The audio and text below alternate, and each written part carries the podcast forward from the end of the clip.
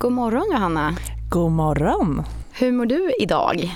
Ja, men jag mår jättebra. Det känns ju verkligen som att den här veckan har våren på riktigt kommit till Stockholm. Så skönt.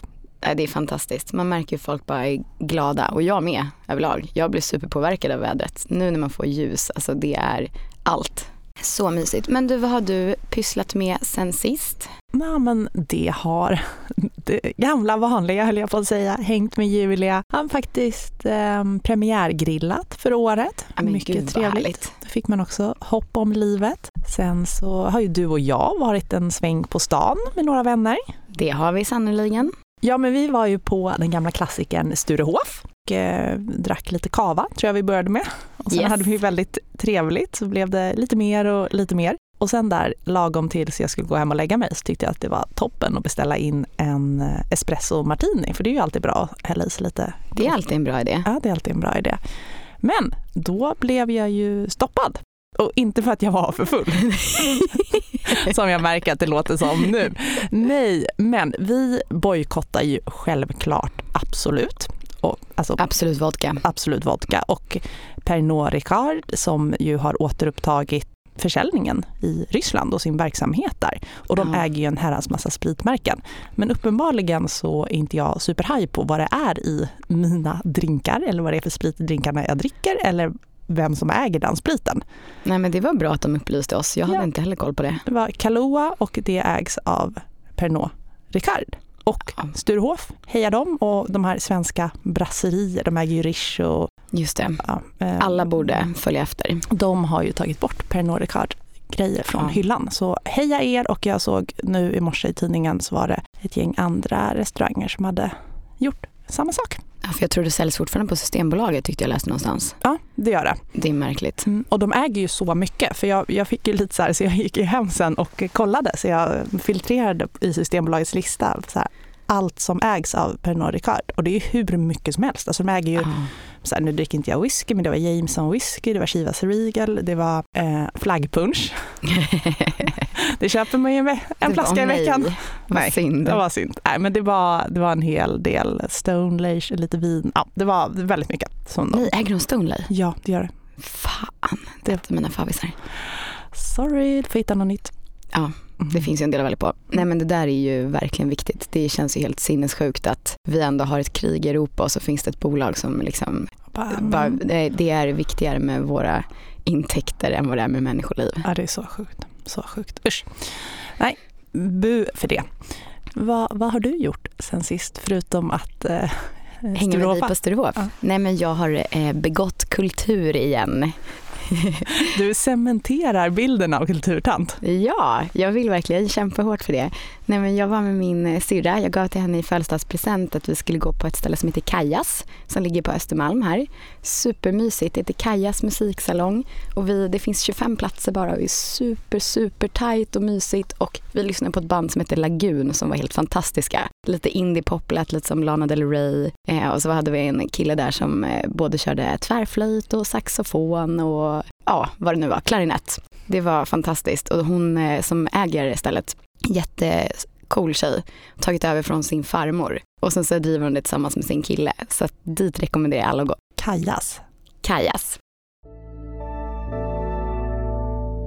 Om vi då ska ta oss vidare från eh, sprit och kultur så Johanna, kan inte du inviga oss i den sköna världen utav inflation? Ja, men vi fick ju ett efterlängtat inflationsbesked förra veckan. För den svenska inflationstakten damp ner mer än väntat här i mars och breda KPI det sjönk från 12 i februari till 10,6 i mars. Och där hade analytikernas konsensusprognos legat på 11,1 procent så det var lägre även än inflationen. Och det man hoppas är ju att det här liksom markerar den vändningen för inflationen som, som vi ju alla, vågar jag lova, väntar på. på. Mm. Och ett starkt bidragande skäl till att inflationen eh, mattas av det är att prisuppgången för energi inte är lika hög längre. Och där noterar man prisnedgångar för tredje månaden i rad. Och sen så är det också baseffekter. Jag menar nu, nu jäm, man jämför ju med, med året innan och inflationen hade ju redan börjat stiga i mars förra året, mer än vad den hade gjort i februari förra året. Så det blir liksom, man jämför med en högre nivå. Och det där var alltså breda inflationen där man räknar med allting. Men man kan ju också titta på KPIF och där tar man bort liksom effekten av räntehöjningar eller de ränteförändringar som har skett. Men så man mäter inflationen exklusive ränteförändringar. Och då ser vi att den sjönk från 9,4 procent i februari till 8 procent i mars. Och det var visserligen en tiondel över Riksbankens egna prognos men fortfarande lägre än vad liksom analytikerna hade väntat sig. Så man, man litar helt enkelt inte på Riksbanken. Så att 8% där. Och även om man tittar på KPIF, det vill säga inflation minus räntor men också minus energi så ser vi att eh, inflationen sjönk. Så att man hoppas ju att det här är liksom vändningen och eh, konsensus på marknaden nu det är ändå att Riksbanken kommer höja räntan i nästa vecka med 50 punkter, 0,5 procent. Det är vad de flesta tror. Men många tror också att det kommer bli den sista räntehöjningen i den här cykeln. Sen det kanske håller vi tummarna för. Det håller vi tummarna för. Sen kanske det kommer komma ett antal räntebesked. Det är oförändrad ränta, men liksom nästa förändring kommer i så fall bli en minskning, är prognosen just nu. Så att eh, vi kan hoppas att det, att det stämmer. Och då för att inflationen har tämts, inte kanske för att den svenska ekonomin har rasat. Lite så. Och ett litet tillägg till det här inflationssnacket då det är ju att man, om man tittar på alla varu och tjänstegrupper som ingår i Statistiska centralbyråns KPI-korg, det vill säga den man mäter när man mäter inflation, så ser man ju att det fortsätter att stiga i mars med elpriserna som, som ett väldigt välkommet undantag. Och livsmedelspriserna är ju en stor liksom, motor till den inflationen vi ser nu. De har stigit med 19,7 procent på ett år. Det är helt... Jag hörde att purjolök var upp 121 procent mot förra året. Ja, ja, det är helt sinnessjukt. Tur att man inte köper purjolök så ofta. Men även där, även sett om man tittar på livsmedel, livsmedelspriserna så finns det tecken på att ökningstakten börjar mattas av. De stiger fortfarande i pris men inte... Lite mindre. Ja. Okej Johanna, jag har tittat på en liten undersökning som är gjord utav Kantar Sifo på uppdraget av Fondbolagens förening där de har undersökt eh, fondspararna och vad man sparar till och lite jämställdheten i sparare. Och färska siffror visar då att 7 av 10 sparar privat i fonder och det är en liten, liten ökning från fjolåret, bara med 2% så det är väl ingen enorm skillnad. Men det populäraste sättet att spara i fonder är genom månadssparande och det är 72% av alla fondsparare som har ett månadssparande. 72 kloka procent. 72 kloka procent, så det är ju superbra. Och eh, vi ser här att det är inte så stor skillnad mellan män och kvinnor. Det är faktiskt snäppet fler kvinnor än män som har ett månadssparande. 74% mot 71. Så heja heja. Det gör mig väldigt glad att höra. Sen så är det som jag tror att vi har nämnt tidigare någon gång lite skillnad i beloppen som man kan spara. Det vanligaste månadssparandet är mellan 1000 och ja, strax under 2000 kronor. Men det är fler män som kan spara mer än 5000 kronor i månaden. Nästan dubbelt så många. I den här undersökningen så fick man svara på om man har förändrat sitt månadssparande under det senaste året eller inte. Och det här tycker jag att man, det ser man ju även där vi jobbar. Det är självklart så att ens disponibla inkomst gör att det är snävare nu för tiden. Och antingen så kanske man har dragit ner eller så har man behövt faktiskt lägga det på räntor och elpriser och matpriser och allt vad det är. Men det är så att det är ungefär 17 procent som säger att de faktiskt har ökat sitt månadssparande jämfört förra året. Dock så är det också 19 procent som faktiskt säger att de har minskat det. Men det är väldigt många, en stor majoritet, 60 procent, säger att man inte har gjort några förändringar alls. Och det är ju väldigt positivt. Mm. Heja er! Heja er! Och vad sparar man då till? Det fick de här personerna i undersökningen också svara på. Och de flesta säger att man sparar till sin pension. Och där har vi återigen en liten överrepresentation på kvinnor. Det är 66 procent som sparar till pension. 58 procent av männen sparar i fonder ska sägas då till pensionen. Ja, där tänker jag att det kan vara lite att det är fler kvinnor som faktiskt behöver dryga ut sin pension med ett privat sparande. Fler män har ju liksom en om inte fet, så bra tjänstepension som täcker upp ganska ja. stor del. Så om man tittar på hur stor andel av lönen män och kvinnor förväntas få i pension, så förväntas ju män få en högre andel av sin slutlön i pension än kvinnor. Och kvinnor kan ju redan innan ha en eh, lägre inkomst så att det blir liksom en dubbelmacka. Så därav känns det ju rimligt att, att många, att 66 procent av kvinnorna ändå... Sparar till det. Mm. Ja, och sen får man ju hoppas att det inte är så att man har, det faktiskt är så att det här är kanske bara premiepensionen och att man har, sparat, man har svarat att man sparar i fonder och att det gäller PPM som Nej, alla men jag har. tänker att det kanske inte är ett eget sparande som Nej. man gör. Nej. Nej.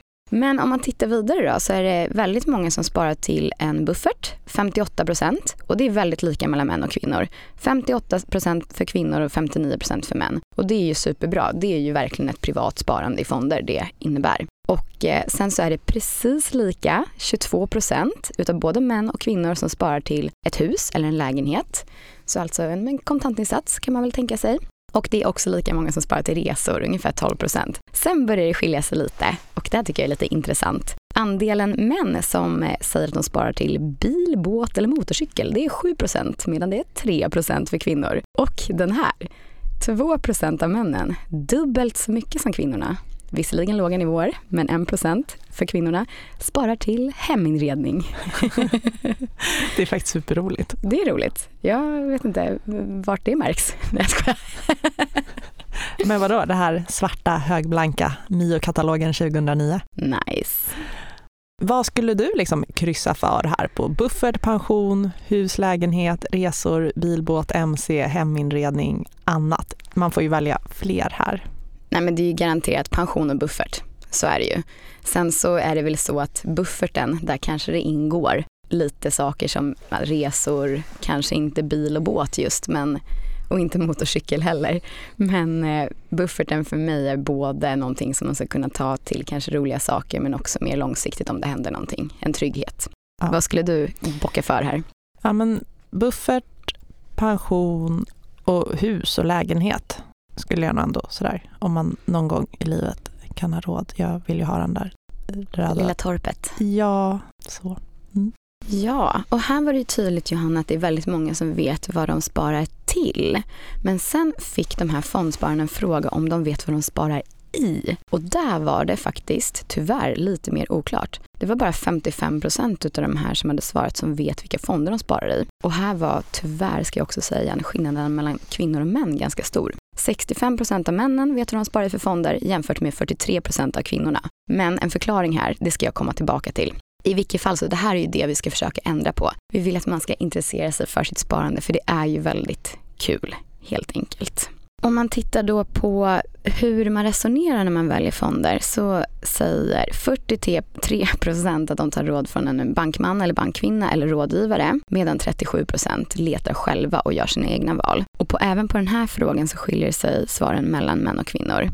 Bland kvinnor är det hälften som tar råd och var fjärde, alltså 25 procent, letar fonder själv. Och det är det totalt motsatta bland männen. Där är det tvärtom. Hälften av männen letar själva efter fonder och tar sina egna beslut och 35 procent tar professionella råd.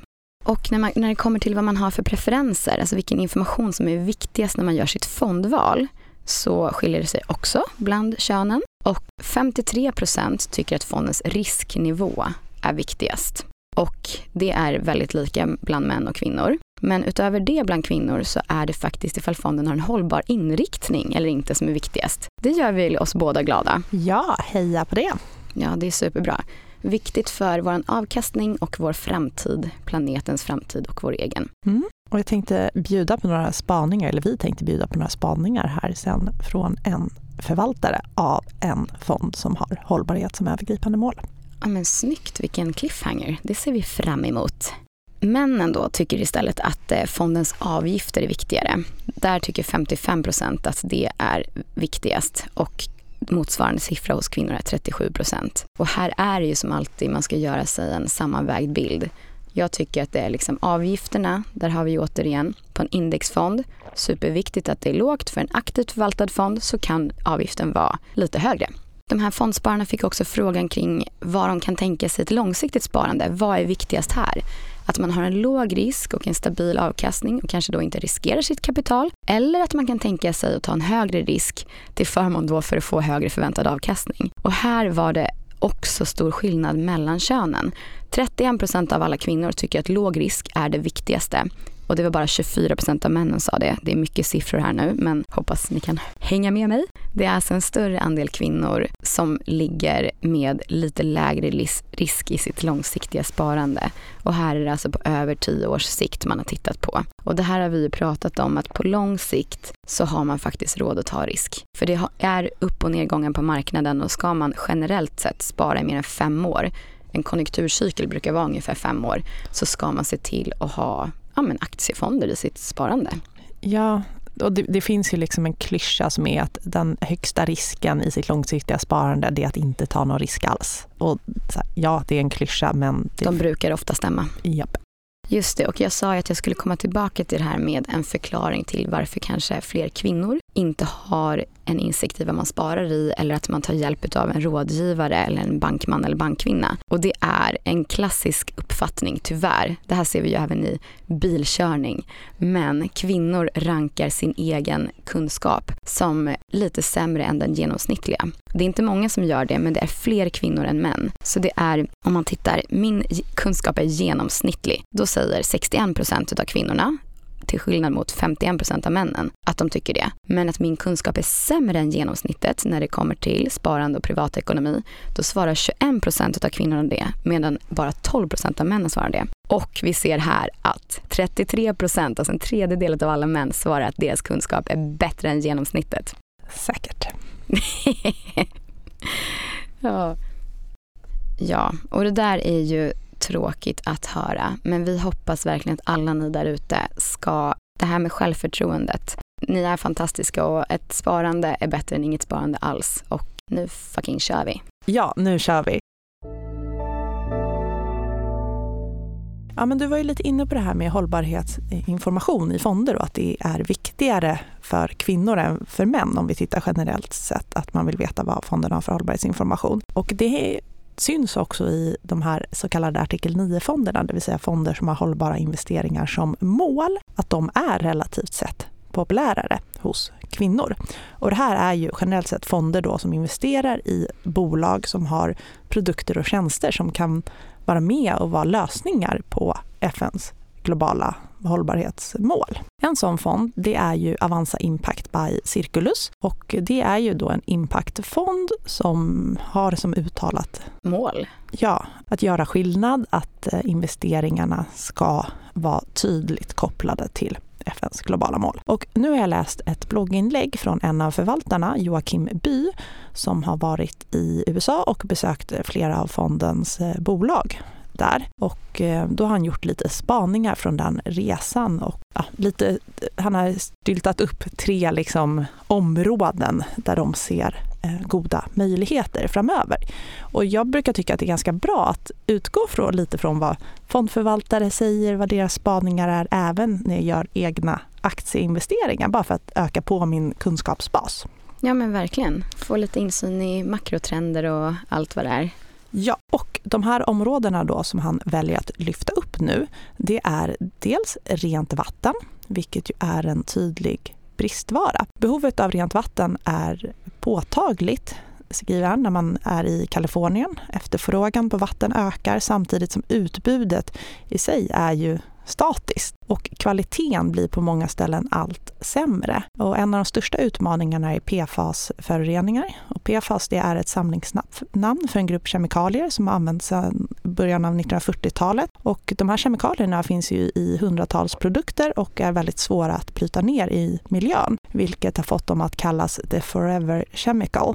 Och under mars i år så utfärdade USAs eh, miljödepartement nya förslag på regleringar för dricksvatten. Och det här är första gången på 25 år. Och om förslaget går igenom skulle de tillåtna nivåerna av föroreningar bli de lägsta någonsin på det, liksom, det nya man släpper ut. Då, då.